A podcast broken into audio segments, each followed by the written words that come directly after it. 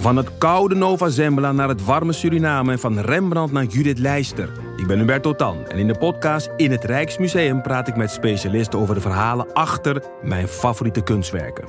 Nieuwsgierig? Beluister nu de nieuwe afleveringen. We leven in een wereld vol problemen. Het milieu gaat kapot. Burgers radicaliseren aan de lopende band. Poetin is een dictator, Biden is dement, Trump is een crimineel. En de tuin van Huberto Tan schijnt een zootje te zijn. Dus dit is het moment voor twee comedians, Vera van Zelm en Sander van op Zeeland, om de wereld te veranderen. Alles moet anders. Alles moet anders.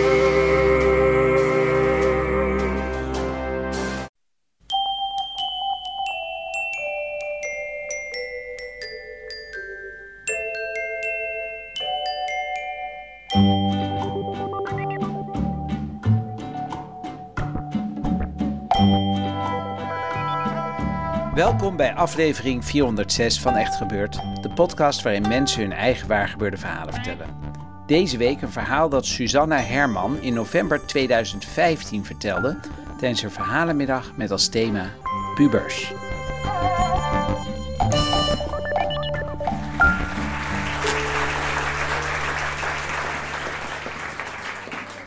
Ik eh, was een hele sneuwe puber.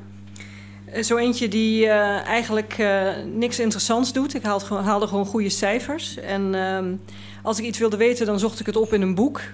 Ja, jullie zien, ik ben iets te oud voor internet in de jeugd. Maar ik had wel heel veel boeken in huis. Mijn moeder las heel veel en mijn vader las heel veel. Dus ik kon ook alles wat ik wilde weten, kon ik opzoeken in boeken. En ehm, eh, ik wist dus ook, eh, ook bijvoorbeeld over seks wist ik ook alles, want dat had ik allemaal al gelezen.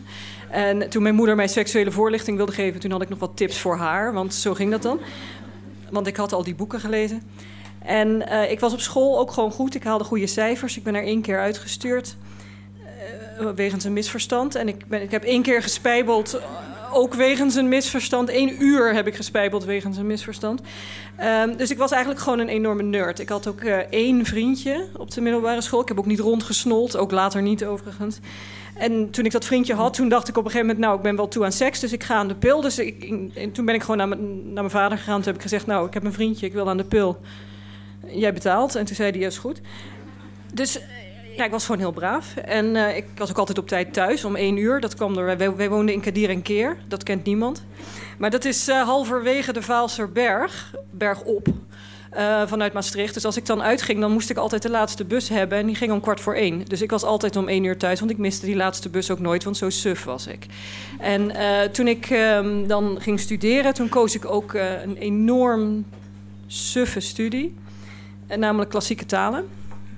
En dat heb ik ook gewoon gestudeerd. Niet echt nominaal, zo suf was ik dan nog net niet. Eh, maar ik ben op een gegeven moment afgestudeerd. En ja, als je klassieke talen gaat studeren... dan zit er eigenlijk maar verder weinig op... behalve dan dat je les gaat geven. Dus ik ging lesgeven. En ik had ook een heel goed duidelijk beeld... van hoe ik dan wilde zijn als docent. En dat beeld had eigenlijk alleen maar te maken met kennisoverdracht. Nou, dan ga ik zo lesgeven over Rome... en dan ga ik zo lesgeven over de ablativus... en dan ga ik zo het Griekse alfabet onderwijzen. Maar ik had helemaal niet zo'n beeld van eh, dat ik ook leerlingen wilde begeleiden. Eh, je hebt op de lerarenopleiding heb je dan zo'n onderdeel ik als mentor. Ehm, ik hoop dat het nu een wat gavere titel heeft, maar ik als mentor was het toen. En eh, nou ja, ik had daar niet zo'n beeld van. Ik dacht, nou ja, dan komen die kinderen bij mij en dan zeg ik, ja, je moet harder werken en dan gaan ze weer weg. En eh, zo heb ik dat ook een hele tijd gedaan. Maar ik, ik, ik heb, nou ja, ik vind van mezelf, althans, ik vond toen van mezelf dat ik niet zo- zo'n warme persoonlijkheid heb. Dat ik niet zo'n hartelijk iemand ben. Ehm, je hebt ook als je op ex- excursies bent, dan is er altijd één docent, dat is altijd een vrouw, eh, bij wie de kinderen komen als ze dan eh, zich niet lekker voelen, of als ze een paracetamolletje nodig hebben, of als ze een maandverband nodig hebben. En ik was dat nooit. Eh, kennelijk, omdat ik dan zo'n uitstraling heb van ja, hard voor je. eh, eh, dus dan kwamen ze niet bij mij, gingen ze altijd naar iemand anders. Zelfs als ik de enige vrouw was op die excursie, gingen ze vaak dan toch naar een man. Omdat ik dat dan gewoon nou ja, niet wil. En ik was er ook nooit echt, nooit echt op voorbereid. En als een kind dan bij me kwam met een probleem, dan wilde ik best met hem of haar over dat probleem praten. Maar ik, wilde dan, ik, ik, ik kon er dan niet zoveel mee als ik het probleem niet gelijk kon oplossen. Want dan dacht ik, ja, wat, wat wil je nou van mij? Ehm, want ik wil problemen oplossen. Nou, op een gegeven moment was ik dan toch mentor. Ehm, en dat deed ik dan door eh, rapporten uit te delen en door tegen die kinderen te zeggen dat ze harder moesten werken. En eh, nou ja, dat was het eigenlijk wel. En toen was er een dag, toen eh, had ik een stapel rapporten liggen. En die wilde ik uitdelen en ik moest even snel, snel tussendoor. En toen was er een jongen en die, die zei, ja, ik wil even met je praten. En toen dacht ik, hoezo? Je hebt toch negens? Want ik dacht, ja, je hoeft echt niet harder te werken. Dus ik weet niet zo goed wat ik hier nou mee moet. Zei hij, nee, nee, ik moet echt even met je praten. Dus ik, nou oké, dus al die andere rapporten uitgedeeld. Uh, jullie moeten allemaal weg, want ik ga even met hem praten. Nou, ik heb hem in een lokaal uh, geveegd, deur dicht. Ik zeg, wat is er aan de hand? Nou ja, zegt hij, ja, ik wilde wat vragen. Ik zei, ja. Nou, ik, ja, kan het zijn dat... Nou ja, um, is het mogelijk dat... Um, kan iemand... Ja, als je nou... Ja, is het mogelijk dat iemand... Nou, ik dacht op een gegeven moment, nee, die jongen die werd steeds rooier en paarser... en hij ging ook steeds meer stotteren en zweten. En ik zei, ja, ja kan je nou... Is het mogelijk dat iemand, ja, um, ja hoe zal ik het... Nou, ik dacht op een gegeven moment, ik word gek. Dus ik zei, uh, is het woord dat je niet kan zeggen misschien zwanger? Ja, zei hij dan over blijdschap. Dus ik zei, nou, oké, uh, eh, weet je wat, ik begin je zin even voor je. Want ik dacht, dit, dit duurt een maand. Hij stotterde verder nooit, hè, want uh, stotteraars mag je nooit zin afmaken. Maar hier dacht ik, nou ja... Is het mogelijk dat een meisje zwanger wordt als... Ja, nou, oké, zei hij. als je... Nou ja, dat stotteren, dat ging nog even verder. Maar uiteindelijk was het hoge woord eruit. Hij wilde weten of een meisje zwanger kon worden als je, of in elk geval hij, uh, haar gevingerd had met voorvocht aan zijn vinger. en ik zat daar in dat lokaal en ik dacht eerst, nou, wat een eer eigenlijk dat zo'n jongen dan daar met mij over kon praten. En toen dacht ik, oh mijn god, ik heb net de deur dicht gedaan en ik zit nu met een 16-jarige over voorvocht te praten. Voor hetzelfde geld word ik straks ontslagen. Nou ja, hopen dat het niet uitlekt. Zijn vader was overigens voorzitter van de ouderraad, bedenk ik nu. Um, dus ik zei tegen hem van nou, weet je, als een uh, stel een, uh, een, kind wil krijgen, dan zijn er momenten waarop je dat het beste kan doen. En dan zijn er standjes waarop je dat het beste kan doen. En zelfs dan lukt het vaak niet.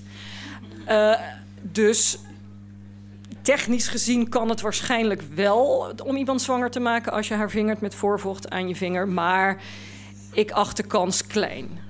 En toen zei hij, oh, was hij helemaal opgelucht. En toen zei ik, hebben jullie verder niks anders gedaan? Dat had ik natuurlijk nooit moeten vragen. toen begon het gestotter weer opnieuw. Ja, nee, ja, ja, ja, we hebben wel, maar niet echt. Ja, maar niet. Ja, en het is een Voorburg, hè, dus ik dacht, ik help die jongen, sportmetafoor. Ik zeg, geen bal over de lijn. Nee, nee, geen bal over de lijn. Nou, oké, dan, dan hoef je je denk ik nergens zorgen over te maken. Toen zei ik, is ze eigenlijk aan de pult? Ja, zei hij, dat weet ik niet. Dus toen zei ik, heb je dat er wel eens gevraagd? Nee, zei hij, ik weet eigenlijk niet hoe ik dat dan moet vragen. Dus toen zei ik, eh, nou ja, ik heb daar wel een tip. Uh, wat dacht je van, ben je aan de pil? Nou, echt alsof, alsof er een wereld voor hem open ging. Dus, en hij is toen uh, vertrokken met deze kennis. De op, opgelucht dat ze waarschijnlijk niet zwanger was. Hij zou haar die middag zien. Zij zat op een andere school. Ze hadden elkaar ontmoet op de Rome-reis. Daarom was ik ook verantwoordelijk voor deze zwangerschap. Um, en hij heeft me toen aan het eind van de dag een sms'je gestuurd. Hoi, alles goed. Dus kennelijk was zij niet zwanger. Ik heb hem later ook nog gezien. Hij is volgens mij misschien inmiddels wel vader, maar uh, niet die negen maanden daarna. Dus dat is allemaal opgelost. Maar ik dacht toen wel, oh, maar dit kan ik eigenlijk wel. Met zo'n kind praten over moeilijke dingen. En uh, ik heb daar toen wel gedacht, nou ja, kennelijk is het toch heel belangrijk voor zo'n, voor zo'n puber als je gewoon zegt, nou niet wat ze willen horen, maar als je ze gewoon de ruimte geeft om te vertellen wat ze willen vertellen. En als je het niet op kan lossen, dan los je het niet op. Maar dan stuur je ze gewoon weg. En ik heb ook toen gekozen om uh, nooit meer um, een soort van verschil te hebben tussen mijn persoonlijke identiteit en mijn schoolidentiteit. Ik vind dat soort docenten, uh, dat vind ik altijd heel moeilijk. Dan, volgens mij willen kinderen daar niet bij komen. En nu uh, komen ze eigenlijk best wel vaak bij me. Het is altijd hetzelfde type kind niet uh, kinderen die denken dat ze iemand zwanger gemaakt hebben. Uh, maar wel kinderen um, die in eerste instantie, waar niks mee aan de hand lijkt, maar die dan toch op een gegeven moment aan iemand even willen laten zien of vertellen dat ze toch niet helemaal normaal zijn. En nou, dat vind ik eigenlijk wel een hele grote eer dat juist die kinderen mij daar, daarvoor uitgezocht hebben. Dus ik denk niet dat ik inmiddels een soort van puberfluisteraar ben. Maar ik geloof wel dat ik de taal steeds beter spreek. En uh, nou, dat vind ik eigenlijk geweldig.